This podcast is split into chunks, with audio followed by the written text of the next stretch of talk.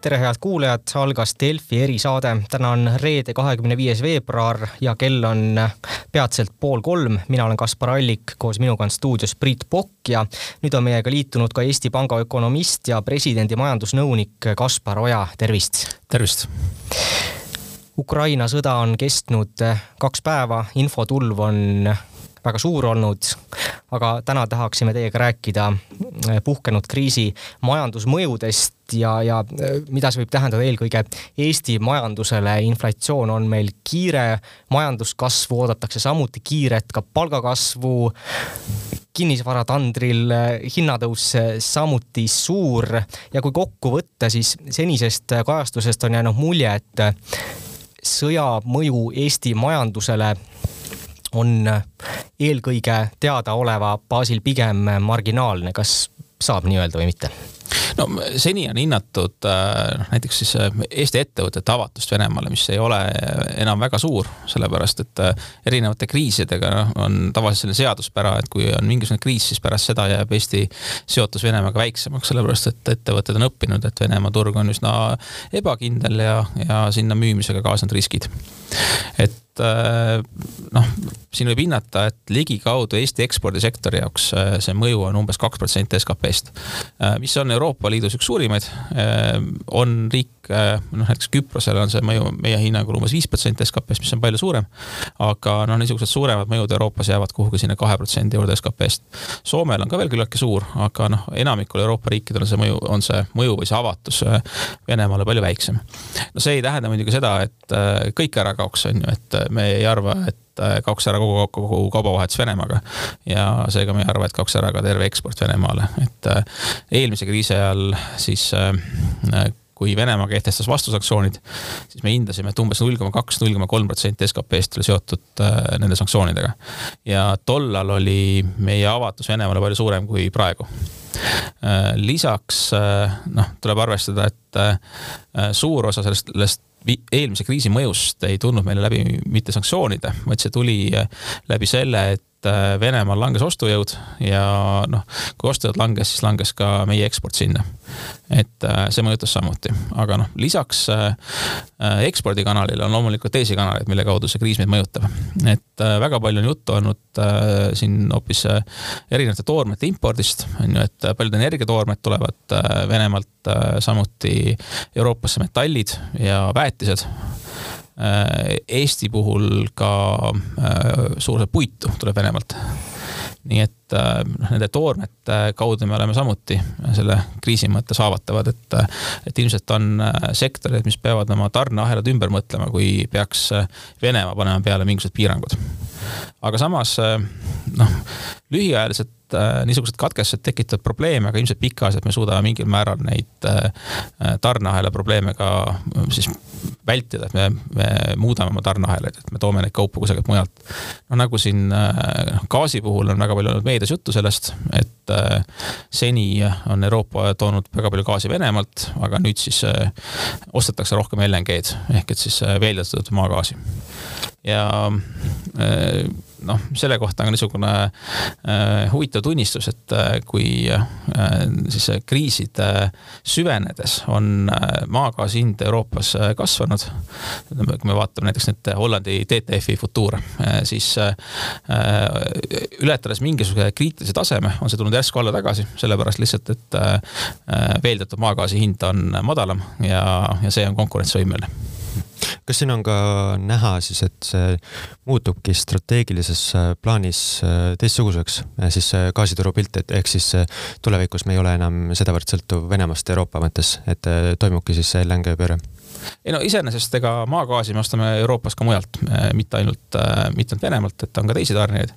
ja ka praegu, et siin on küll noh, on levinud viimase nädala jooksul igasuguseid väiteid, kui, et me oleme nüüd väga sõltuvad Venemaast, et äh, äh, noh, tuleb vaadata, et nende väidete allikaks on olnud siis niisugused Venemaa äh, tundmatud energeetika analüütikud ja Gazprom.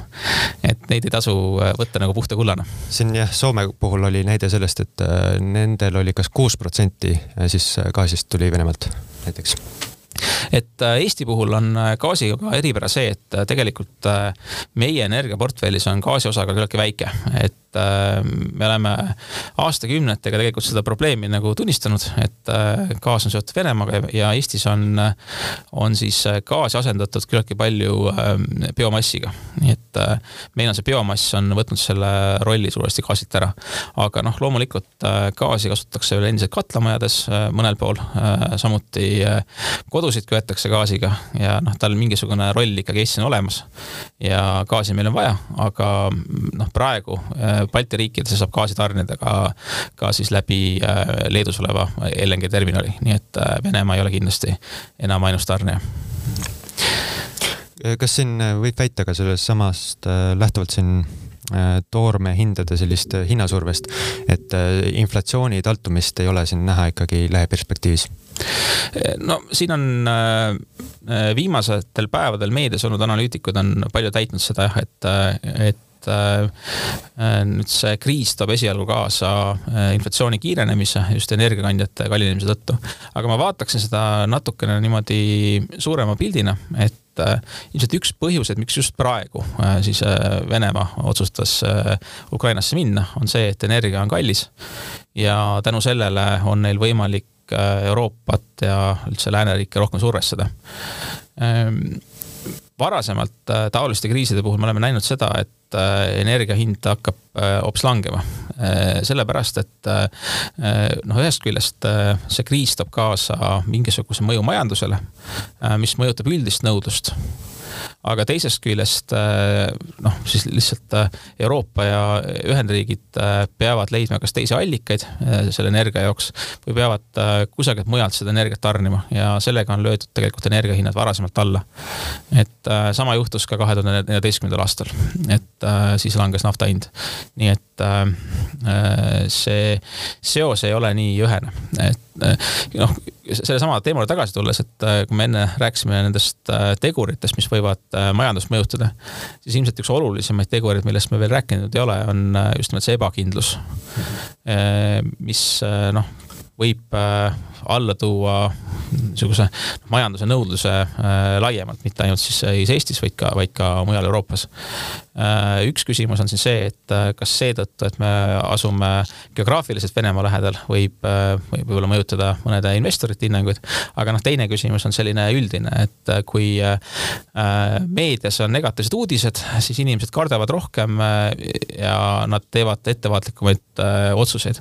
ja see ei puuduta ainult Eestit, see mõjutab, see puudutab tervet Euroopat, et terve Euroopa võib siin noh, mingil määral siis hakata tegema niisuguseid vähem optimistlikke otsuseid ja, ja seetõttu äh, majanduse konjunktuur natukene muutub. et me oleme ka viimasel ajal olnud niisuguses kõrgkonjunktuuris, äh, kus siis noh, nagu saate alguses mainitud, et meil on hinnad kiiresti kasvanud ja, ja noh, majanduse olukord tegelikult on olnud ju väga hea. et võib-olla selline sentimendi muutus hoopis rahustab seda natukene ja noh, pikaajaliselt siit mingisugust suurt kaotust sellest ei tule, küll, küll aga siis äh, äh, muutub majandus veidi rahulikumaks. kas sõjast tingitud seesama tarbijate kindlustunde vähenemine võib ka mõjutada siis äh, näiteks äh, Euroopa Keskpanga rahapoliitilisi otsuseid? vot seda ma niimoodi kommenteerida ei oska, et kuidas, kuidas siis otsustatakse Euroopas. aga samas, kui me vaatame nüüd finantsturge, siis sealt on näha seda, et niisugune ebakindlus noh, on, on mõjutanud erinevate varade hindu, on ju, et aktsiahinnad on tulnud alla Äh, ja siis äh, turvalisemad varad nagu väärt, nagu siis äh, võlaväärtpaberid on läinud üles, ehk et siis intressimäärad on, on mõnel pool langenud. Ähm, ja noh, kui kui majanduses on niisugused natukene ebakindlamad ajad, siis noh, tõenäoliselt nõudlus mingil määral nõrgeneb ja see peaks hakkama ka inflatsiooni talitsema nüüd äh, Lääs äh, enda sanktsioonidega proovib äh, Venemaad isoleerida. kuidas te üldiselt praegust sanktsioonide paketti kommenteeriksite, on see tugev, varasemalt on lääne liidrid lubanud välja tuua, välja tulla sanktsioonidega, mida varasemalt pole nähtud. täpne sõnastus jääb mul, ei ole nüüd meeles, aga kuidas üldiselt sanktsioonide pakett ähm, teile tundub? noh, kuna see kõik on veel väga uus ja täpsustamisel, siis ma niisuguseid äh, detaile selle kohta ka ise ei, ei tea, aga äh, noh, ma saan aru, et siin on seekord rohkem keskendutud niisuguse nagu finantssektori sanktsioonidele, mis võib-olla tundub inimestele Äh, kuidagi kaugena, et äh, lihtsam oleks võib-olla panna lihtsalt nagu mingit kaupade liikumist kinni. aga siin tasub äh, mõelda selle üle, kuidas tehniliselt toimub kaubavahetus. et ka tavaliselt kaubavahetuse puhul on kaks tehingut, üks on siis see kauba liikumine, teine on mingisugune finantstehing, mis liigub teistpidi. ja kui me paneme selle finantstehingu poole kinni, siis ka seda nii-öelda reaalkauba liikumist on küllaltki keeruline teha. et noh, näiteks, näiteks meenutame nädalatagust aega, kui kui läks selline väikene uudisnupp selle kohta, et äh, äh Ukrainal äh, niisuguse äh, riski suurenemise tõttu muutus keerulisemaks mingisuguste kaupade importimine seetõttu, et äh, siis ekspordikindlustajad ei olnud enam nõus neid, neid vooge kindlustama. ja noh, siis lääneriigid tulid appi. aga see on, see on minu arust hea näide sellest, et, et selleks, et rahvusvaheliselt saaksid kaubad liikuda, on tarvis tegelikult finantsinstitutsioone, sanktsioone ja nende piiramine piiras samamoodi äh, kaubandust, nagu piiraks siis otseselt kaupade liikumise piiramine see toob meid teemana ka SWIFTi juurde, mis ongi peamiseks tüliõunaks Euroopas justkui kujunenud. tegemist on siis sellise nii-öelda maksete või sõnumite edastamise süsteemina, sinna on seotud hulk pankasid ja see on miski, kust tahetakse Venemaad vähemalt Äh, Balti riikide ja hulga teiste riikide poolt siis Venemaad välja äh, visata. kas te saaksite natuke valgustada üldse äh, selle SWIFTi süsteemi sellist tähtsust ja miks vastasseis sellele siiski Saksamaa ja paari teise riigi poolt tugev on? No Swifti süsteem on jah, niisugune nagu omamoodi nagu sõnumivahetussüsteem, et kus äh, siis äh, on tehingupooled ja siis on keegi kolmas, kes selle tehingu nagu nii-öelda tõelisuse kinnitab. ja kuna ta on väga levinud, siis ta on oluline. nüüd diskussioon on käinud siin võib-olla kahe teema üle, et üks on see, et ikkagi mingisuguseid tehinguid on jätkuvalt tarvis Venemaaga ajada, seetõttu on seda süsteemi vaja ka teistele riikidele, et ta oleks siis äh, jätkuvalt Venemaal toimimas. ja noh, teine arutelu käib selle üle, et ähm, äh, Venemaa on ilmselt olnud teadlik sellest, et SWIFTi süsteem on nende nõrkus ja noh, on teada, et Venemaa on arendanud välja enda mingisugused sarnased süsteemid. ja noh, see SWIFTi mõju võib olla väga lühiajaline, et juhul, kui võetakse need uued süsteemid äh, ruttu kasutusele. ja noh, maksete liikumise mõttes on äh, äh ka igasuguseid äh, niisuguseid moodsaid äh, fintech äh, lahendusi tekkinud, mis noh, võib-olla võivad niisuguseid süsteeme asendada.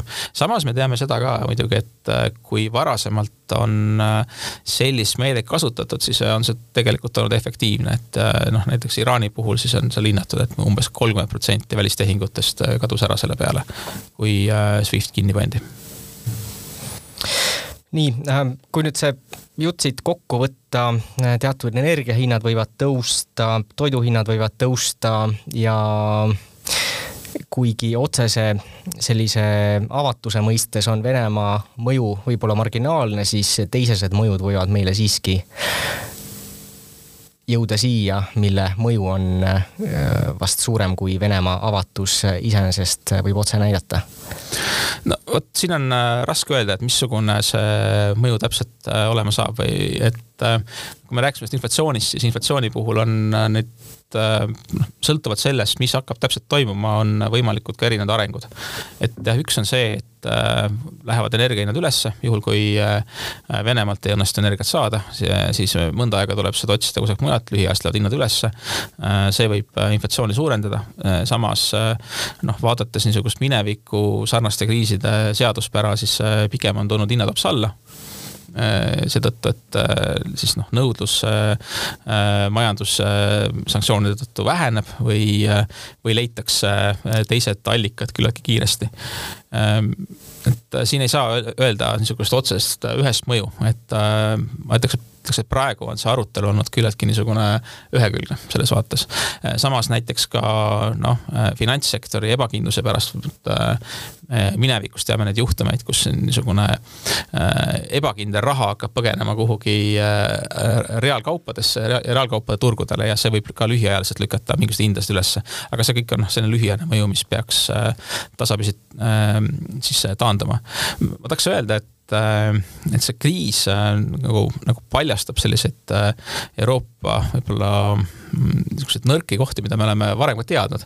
Ehm, ja ütleb, et me peaksime võib-olla võtma sellised äh, uued eesmärgid, äh, noh nii nagu kunagi meil oli, oli Euroopa Liiduga liitumine ja, ja NATO-ga liitumine, et, et ilmselt äh, nüüd on tarvis mõelda sellele, mismoodi siis tagada varustuskindlus teatud, teatud ainetega või teatud ütleme sisenditega, noh nagu on energia, väetised või siis metallid ja see ei puuduta ainult Eestit, see puudutab tervet Euroopat.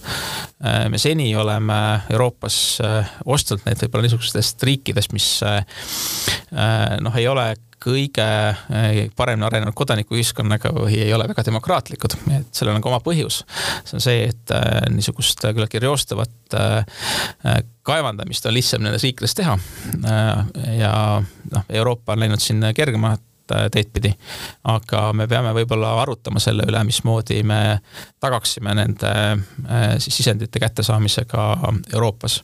ja samamoodi äh, noh, nagu siin Eestis on viimase viie aasta jooksul väga palju juttu olnud rahapesust. et ilmselt üks tugevamaid sanktsioone paljudele siis Putini lähedal olevatele inimestele oleks see, kui seda rahapesuvastast võitlust kõikjal Euroopas ühtemoodi karmilt aetaks. ja see ja see on nagu asi, millega oleks tulnud tegeleda juba varem.